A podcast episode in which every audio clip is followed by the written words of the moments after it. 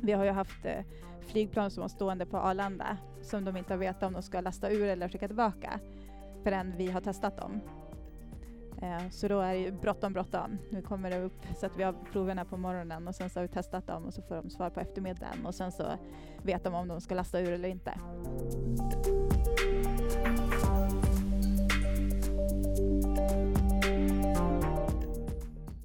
Så att ser man en liten plastgrej längst fram på en mask, då kan man tänka att den där skyddar bara personen som bär den och inte personen som står bredvid den.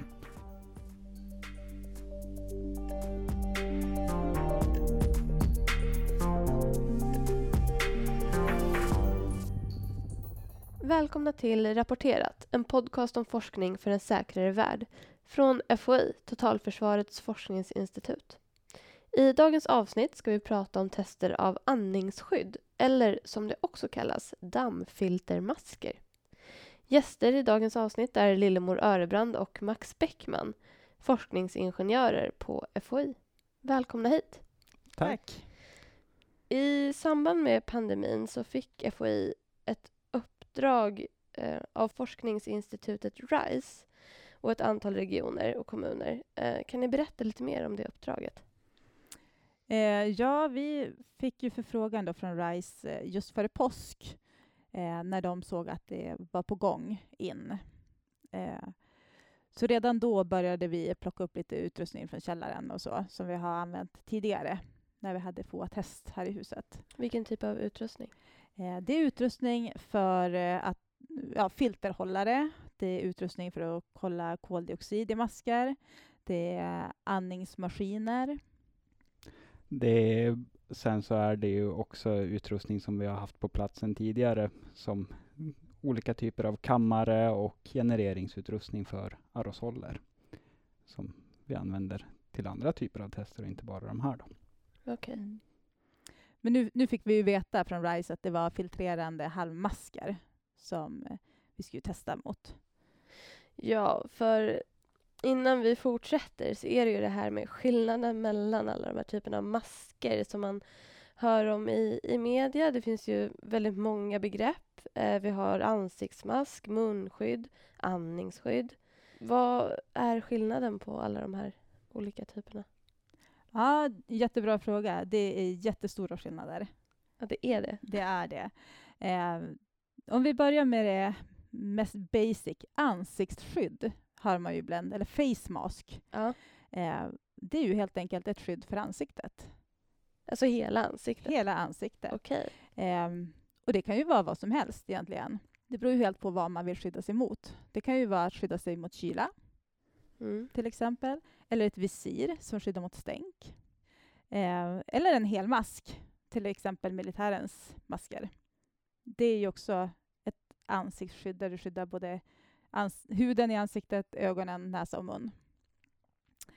Eh, om man går vidare då till andningsskydd så är det ett skydd som skyddar andningsvägarna och luftrören.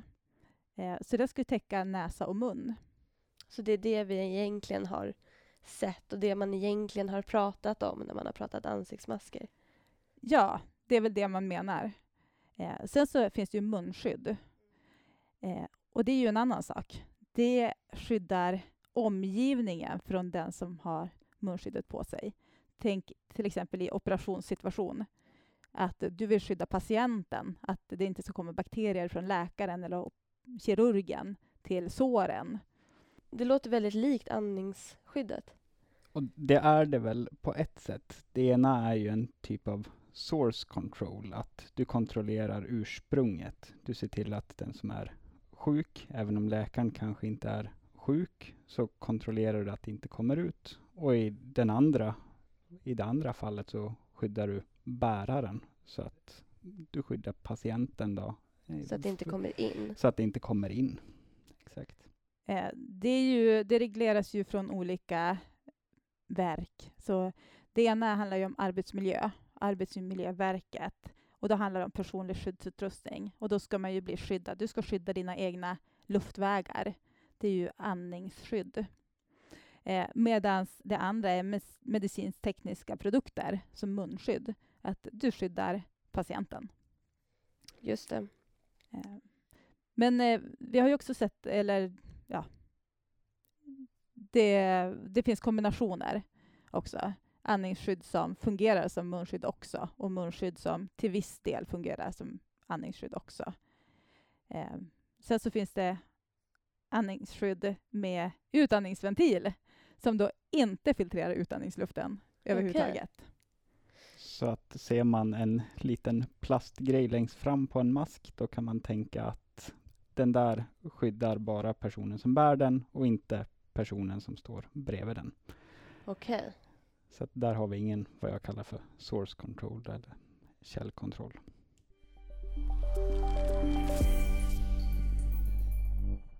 Och i uppdraget ni fick då så skulle ni testa andningsskydd. Ja. Hur genomförs de testerna? Ja, vi har ju då de här, den här utrustningen som vi berättade om tidigare. Och i alla de här testerna så är det ju en del olika delar som ska testas. Men en eh, del som testar är då penetrationstester och det får man se som en central del. Att materialet står emot partiklar av olika slag. Så att de inte tar sig igenom materialet. Och eh, den delen testas genom att vi då har det här filtret eller masken som ska testas och så monterar vi den i en filterhållare och för in den i en kammare där vi har en aerosol. Och sen så med hjälp av en pump så suger vi luft eller klimatet runt den då genom masken och så mäter vi hur mycket har kommit igenom. Och så relaterar vi det till hur mycket som är på andra sidan. Och då får vi en procentsats hur mycket har faktiskt tagit sig igenom. Vad är en aerosol? I vårt standardtest, om vi kallar det så, då, då är det en lösning med eh, vanligt bordsalt egentligen, natriumklorid, eh, som vi blandar upp tillsammans med vatten. Och sen så trycksätter vi det, eller vi ser till att det kommer i gasfas kan man väl säga och då blir det en, Det blir i princip en dimma. en dimma kan Ja. man väl säga. Mm. Det är Med bra salt. beskriv. Saltpartiklar i. Ja. Eh, testar man någonsin med skarp, alltså med riktigt virus? Finns det någon poäng att göra det? Det finns sådana tester, ja. Jag vet inte om det finns med virus, men med bakterier. Med bakterier Ja. finns det, ja. Ja, det är sant. Eh, och vad visade testerna som ni gjorde? Ja, nu har vi ju testat någonstans mellan 90 och 100 olika masker sen det här började vid påsk.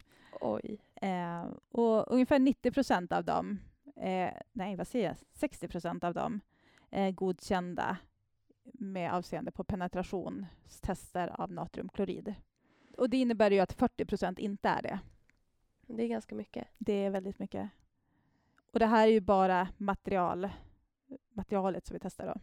Precis, så att materialet har ju en godkännande nivå, en standard den ska klara av. Men sen så utöver det så om du tar på dig en mask så ska du också klara av att filtrera om du andas luft som människa så att säga, inte en pump som suger det utan och då ska du sitta bra mot ansiktet och Mm. där kan ju en mask som sitter jättebra på lillemor passa mig hur dåligt som helst. Så det är ju superviktigt. Men- Och väldigt ofta tvärtom. De har suttit bra på dig men inte på mig.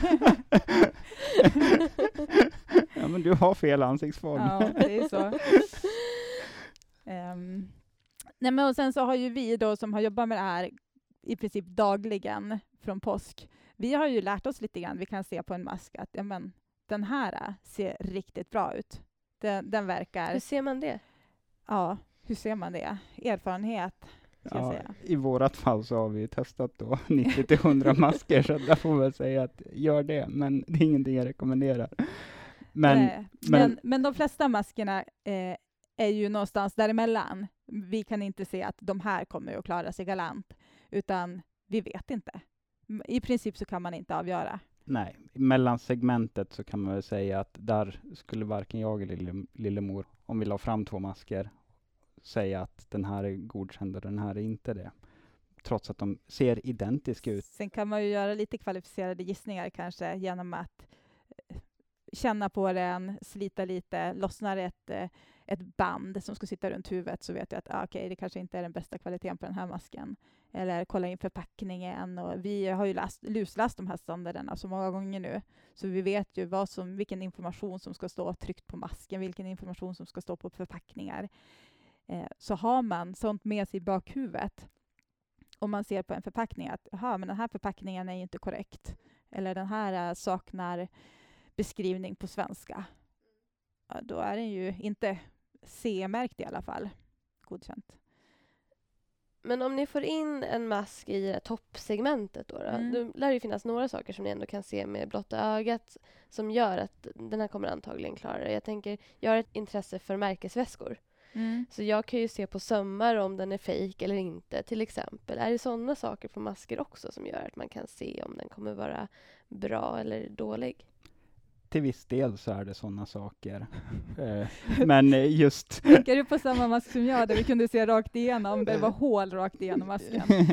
Okej, okay. det, det hade då kanske jag också kunnat lista ut. Ja. Precis. Eh, men där är ju ett extremfall istället. Då. Ja. Eh, nej men sen så har vi ju haft dem som eh, åt andra hållet. Vi har fått in eh, olika leveranskontroller och eh, vi har lagt dem på varandra och sett att ja, men de har olika struktur. De har olika vinklar. De här ser inte ut att vara tillverkade i samma fabrik överhuvudtaget, även om det är angett att de är det. Det kan ibland även vara samma batchnummer. Eh, men materialet är bra.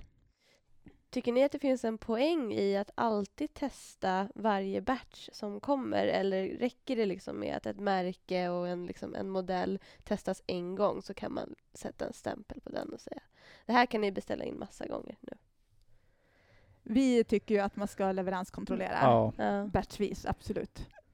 Sen så kan man väl kanske om man inser efter ett gäng år att det här håller kraven konsekvent över tid, då kan vi ju kanske se att man kan ha lite lägre krav och lite mindre antal masker som testas. Men det är en god idé att testa.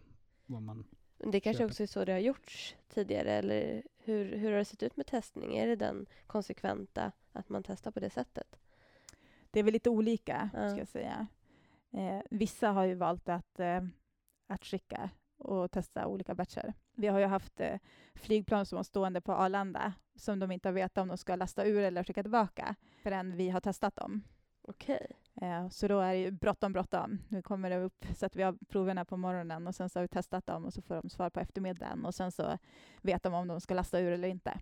Men då ska det ju också upp till Umeå för att testas ja. från Arlanda.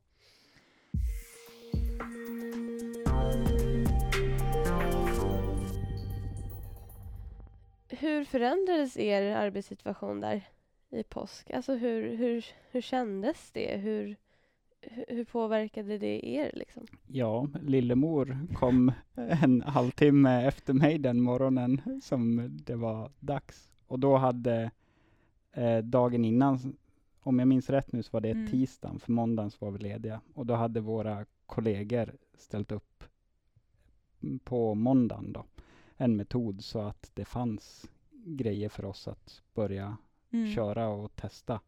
Så att utan det hästjobb de gjorde där på måndagen så hade inte vi var, varit redo att köra tisdagen. Men då kom lillemor en halvtimme efter mig och tänkte, ja, nu sätter vi igång med vår annan, andra labbverksamhet. Och sen så fick hon, jaha, nej, nu är det det här vi gör ett halvår framöver. Precis. Släpp allt du gör, du ska vara här och du ska jobba övertid i några veckor. Ja.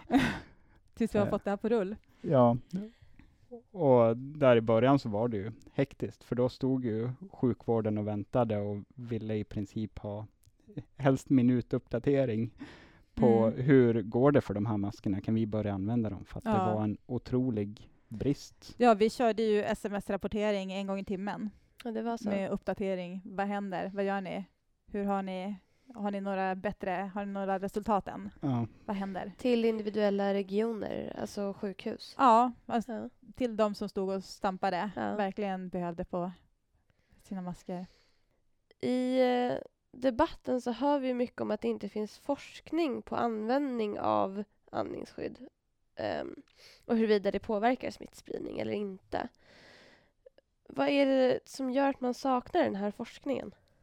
En pandemi. Det har ju faktiskt dykt upp väldigt mycket forskning bara det nu har det. under senaste halvåret Mm. så ser man ju ett behov av det. Och vissa studier blir ju ganska förenklade får vi väl kalla dem och att man vill ha ut någonting. Och sen så är ju vissa studier väl genomförda då, eh, men de kanske är lite för små. Mm. Men jag tror ju att med tanke på den debatten som finns att det kommer att under ett tag framöver så kommer det att göras mycket forskning på området. Är det här ett bra sätt att ja, kontrollera smittspridningen? Frågar du samma sak om två år så då är det nog en mycket enklare fråga att svara på. Och det är ju det också att eh, etiskt så kan man ju inte utsätta friska människor för smitta. Nej. Eh, du har ju dem, och du, alltså det är svårt att kontrollera de här kontrollgrupperna mot för alltså de grupperna som ska ha då något visst eh, munskydd eller andningsskydd på sig. Och det är svårt att kontrollera omgivningsfaktorer när det handlar om Precis. såna här Som grupper. forskare så vill man väl gärna att du ändrar en sak åt gången eller du har kontroll på vad du ändrar åtminstone. Men det blir svårt. Så att då får man istället förlita sig på väldigt stora mängder. Så då kanske man skulle vilja ha tusen människor utan mask och tusen människor med mask och se till att ja, använda dem konsekvent och så ser vi hur många blir smittade, hur många blir inte smittade. Men Och helst ska de där aldrig ha något eget liv runt omkring och träffa några andra människor eller så. Nej, okej. Alltså då, då avviker ju de i beteende mot för alla andra. Eller? Ja, det är svårt. Men nu förmodligen med tanke på att vi har till exempel Sverige som då inte har de här kraven på att ha mask på sig, då förhoppningsvis så blir det väl en del studier som ramlar ut av det, för att då får man ju data på nationsnivå hur smittspridningen har sett ut. Eh, så att jag tror att inom no något år så då har vi nog ganska mycket bättre koll än vad vi har idag.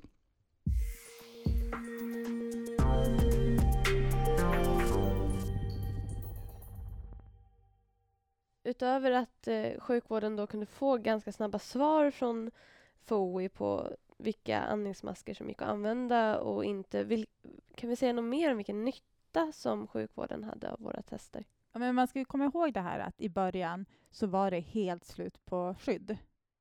Det fanns inte att få tag i. Och länderna stoppade gränsöverföringar och stoppade leveranser. Så sjukvården blev ju tvingade att direkt importera eller köpa otestat från olika importörer som flög in egna laster. Och många av de här följde ju med certifikat till, men förfalskade certifikat. Så att, eh, om man har det lite grann i bakhuvudet så är vi ju väldigt nöjda över att vi faktiskt fick den tiden som behövdes för att hinna göra tester innan det började användas. Och framförallt med facit i hand när 40 procent eh, inte klarar sig utan är för undermåliga så är det ju väldigt... Och det har vi ju fått höra också att de är ju väldigt tacksamma. Och hur ser det ut med testandet nu när pandemin är i en annan fas än under våren 2020? Är det lika mycket att testa? Nej, när vi hade det som mest hektiskt, då- då fick vi in några, om, några olika typer av masker om dagen som skulle testas och snabbt ut igen. Och nu är det väl storleksordningen någon eller några per vecka. Så att det är en ganska markant eh, skillnad. Så att nu, är, nu kan vi återgå till det som lillemor ville göra när hon kom där den där tisdagen på morgonen. Börja å- återgå till andra arbetsuppgifter på ett helt annat sätt. Och då får vi hoppas att det beror på att sjukvården har bättre koll på, eller mer i sina lager kanske, och vet vad de beställer.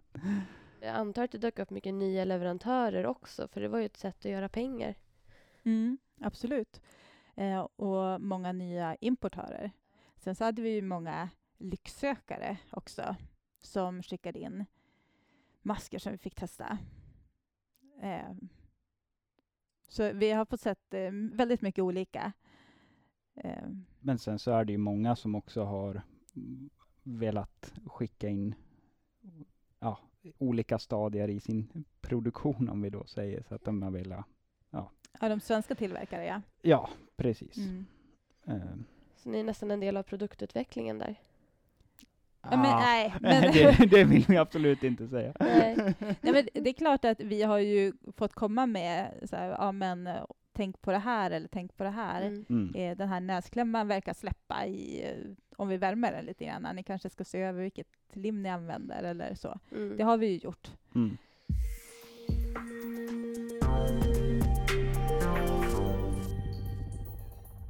För den som då vill köpa någon form av andningsskydd eller mask, vad är viktigt för den personen att tänka på? För nu, nu skulle inte jag våga mig ut och köpa vad som helst i butikerna. Nej, det gör inte jag heller. Nej. Nej, det är så. Du använder Ja. bara den militära skyddsmasken. ja. Ehm, nej, men eh, det man måste tänka på, alltså, det är ju det är ett lotteri. Förhoppningsvis har ju de flesta av de här fejkade eller fallerade, de som inte uppfyller kraven, förhoppningsvis så finns de inte på marknaden utan de faktiskt är undanplockade allt eftersom. Men sen så är det ju att tänka på att den faktiskt ska sitta bra. Eh, när du tar på en mask, som vi sa där i början också, att det som passar på Max kanske inte passar på mig. Eh, och att det ska sitta bra, så att du ska inte känna hur det strömmar in luft under hakan, till exempel. Du ska inte få in fingrar under hakan, eh, för då sitter den ju inte bra. Nej. Eh, Och känner du att det strömmar in någonstans så kommer det komma in där när det är skarpt läge eller vad man ska säga. Så att, Mm. tillpassning. För att eh, det ska fungera så måste ju all luft gå via filtermaterialet. Ingenting ska smita runt. För då har du ju mycket sämre värden helt plötsligt. Så vilka är riskerna med att förlita sig på skyddet av en mask? Och framförallt är det ju falsk trygghet. Mm. Eh, du tror att nu har jag varit på och köpt en mask. Du tror på den, du litar på den. Eh, och kanske då istället slarvar lite grann med Folkhälsomyndighetens rekommendationer. Du håller inte avståndet, Du är Eh. dålig på att tvätta händerna. Och kanske inte ens tvätta händerna efter du har tagit av dig masken och rört i den. Nej, precis. Eh, och kanske då framför allt att ja, jag är bara lite hostig. Jag stannar inte hemma för det, utan jag tar på mig masken när jag ska åka trång eh, buss till Mm. jobbet. Eh, så att det är ju det är de största riskerna. Då, med det så avrundar vi dagens avsnitt av Rapporterat. Tack för att eh, ni ville besöka oss. Tack för att vi fick vara här. Tack så mycket.